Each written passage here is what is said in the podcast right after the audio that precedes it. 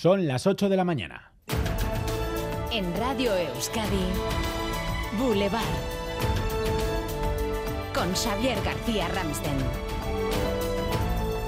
¿Qué tal, Egunon? El Papa confirma que el caso Gaztelueta no fue juzgado bien por la Iglesia. En un mensaje que desvela el medio Religión Digital, Francisco confirma que la Iglesia está ahora mismo haciendo ese nuevo juicio del caso. Iñaki Larrañaga. A bordo del avión papal de regreso de Bahrein, el Papa expresaba que el caso Gaztelueta no fue juzgado bien por la Iglesia y avanza que ya ha comenzado el nuevo juicio, lo que abarca no solo al exprofesor condenado por abusar sexualmente de un alumno menor de edad, sino que revisará todo el proceso hasta el punto de depurar responsabilidades tanto al centro educativo, el Opus, sin olvidar el papel de la diócesis y de los supuestos investigadores.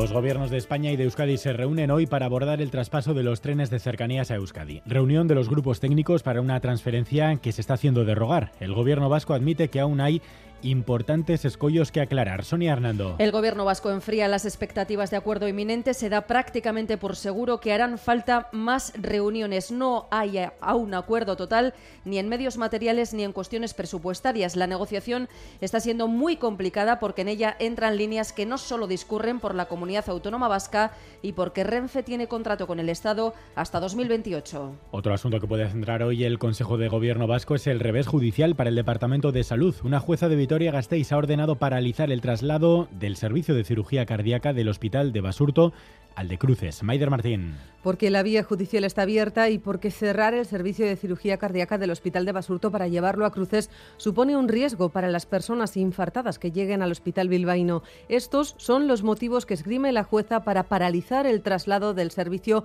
de manera cautelar. Desde el comité de empresa se muestran satisfechos y argumentan que la decisión de cambio la tomó Osakidecha de manera unilateral. El Departamento Vasco de Salud, por su parte, muestra su sorpresa ante esta intromisión judicial y anuncia alegaciones. Dentro de una hora visita a Boulevard la rectora de la Universidad del País Vasco, Eva Ferreira. Entre otras cosas, le preguntaremos por la Facultad de Medicina de Basurto, precisamente ahora mismo en vía muerta. El Departamento de Educación ha triplicado la partida destinada a esa facultad en los presupuestos del año que viene con el objetivo de atraer constructoras. Veremos si este movimiento acerca la primera piedra de una facultad realmente necesaria.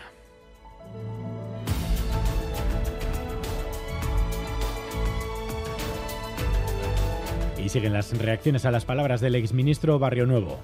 Yo lo del GAL lo llamaría actuaciones terroristas, como lo dijo la justicia, y me parece de una gravedad máxima.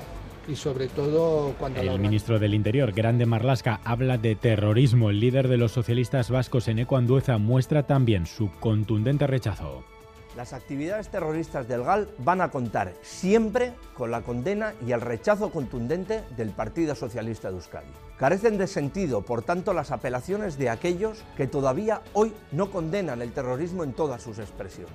Tampoco de los que se mostraron tibios y o el miraron PSOE, para Ferraz no lo verbaliza, aunque hace suyas las palabras de Eneco Andueza. Tendrán seguro nuevas oportunidades. Así bien, este martes 8 de noviembre, que nos deja más noticias, las repasamos en titulares con Asier Herrero y empezamos en la audiencia de Cantabria. La acusada del crimen de Castro Urdiales niega haber matado a su pareja. Insiste en que le dio a su amiga juguetes sexuales en un neceser y culpa a su amiga de decapitar a su novio. Hoy, segunda jornada del juicio, tras terminar de testificar la principal acusada, comenzarán a testificar los testigos propuestos por la Fiscalía, la acusación y la defensa. La cita internacional del día, Estados Unidos acude a las urnas en las elecciones de medio mandato. Decidirán los senadores y la Cámara de Representantes. Si los pronósticos se cumplen, los demócratas perderán las dos cámaras, lo que complicará los dos años restantes de presidencia de Biden. La vicepresidenta Yolanda Díaz presentará esta tarde su plataforma Sumar en Iruña. Protagonizará dos actos públicos y un café con el filósofo Dalier Inerarity. Será su primera declaración pública tras las palabras de Pablo Iglesias pidiendo respeto para Podemos. Además, se espera que aporte algo más de luz sobre si se presentará o no como candidata a las próximas elecciones generales. Y esta casa EITV será premiada esta tarde por la Asociación Vasca de Periodistas. Recibirá el galardón en la categoría personaje o institución social por la trayectoria realizada durante sus 40 años de historia. El acto será a las 7 de la tarde en la sala BBK. Y atención en Bilbao, la Policía Municipal que sigue con sus movilizaciones contra los nuevos horarios de trabajo que les obligan a trabajar en más fines de semana y horarios nocturnos, van a multarlo todo, lo que se suele llamar huelga a la japonesa. Unidad móvil de Radio Euskadi, esperemos que bien aparcada, Natalia Díaz, ¿habéis cazado alguna multa? Ninguna, la verdad, eh, uno, no estamos bien aparcados, eh, pero ni siquiera os tenemos que decir que nos hemos cruzado con algún coche patrulla. Nos han dicho aquí en la central donde estamos ahora que están en cambio de turno.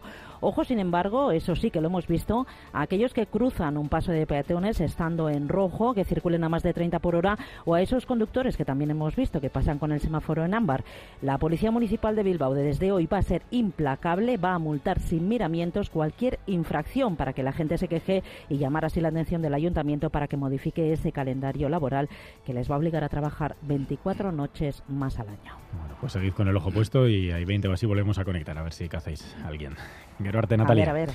Vamos con los deportes titulares en portada Álvaro Fernández Cadierno. Egunon con fútbol porque comienza la última jornada de liga antes del Mundial de Qatar. Dos partidos, 8 de la tarde en Sama Mesa Atlético Valladolid con los Leones buscando una victoria que les quite el mal sabor de boca del fiasco de Girona y a las nueve y media en el Sadar, Osasuna Barça con los rojillos tratando de redondear un inicio de liga fantástico. Y ayer en las Winter Series, Goico Echeto 2, Beas Coechea López 0. Boulevard. Lural de Bus nos ofrece la información del tiempo. Lural de Bus, a donde vayas, vamos contigo. Pendientes a esta hora del viento, pronóstico desde Euskalmet, Jaino Munarri, Cegunón. Caixo 1, hoy la jornada viene marcada por el viento del sur, un viento que seguirá siendo algo intenso a primeras horas de la mañana, sobre todo en Álava y Vizcaya, en el oeste, y que irá perdiendo fuerza a lo largo del día. Y con este viento, hoy las eh, máximas se van a quedar sobre los 20 o 22 grados en el norte, registrándose las mínimas al final del día, cuando ya el viento vaya perdiendo fuerza, y en el interior, en cambio, las máximas se van a quedar sobre los 15 eh, o 20 grados. Por otro lado, la nubosidad hoy va a ser abundante en muchos momentos del día, principalmente van a ser nubes eh, medias y altas y no se descarta que de manera ocasional eh, puedan escaparse algunas gotas, eh, sobre todo en el interior. De todas maneras, sería muy poca cosa y en general aguantará. Por tanto, hoy un día marcado por el viento del sur, mucha nubosidad y ambiente templado, sobre todo en el norte. Se nota ese ambiente templado en el norte. Tenemos 21 grados en Bilbao y en Santurchi, 21 también en Biarritz, algo menos 19 en Donostia y en Hernani, 14 en Iruña, 13 en Vitoria-Gasteiz, en Tafalla y en Agurain. 688-840-840. Egunon, en Galdacao, en Usánsolo, en Bedia y en Lemoa y en Igorre, 21 grados clavaos. Ondo pasa. Kaixo egunon, Santutxu, amazortzi gradu. Egunon, Irunen, emeretze gradu. Egunon ezan,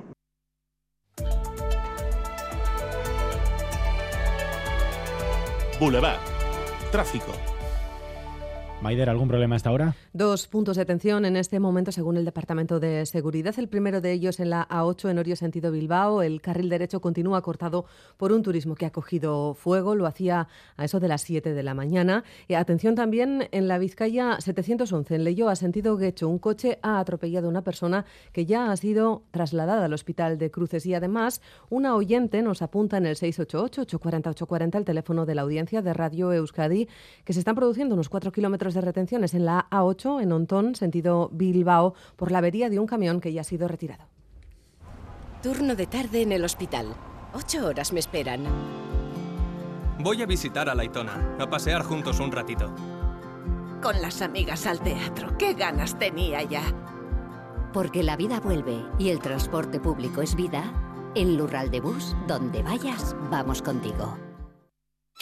Ayúdanos a mejorar nuestra información con tus comentarios, fotos y vídeos.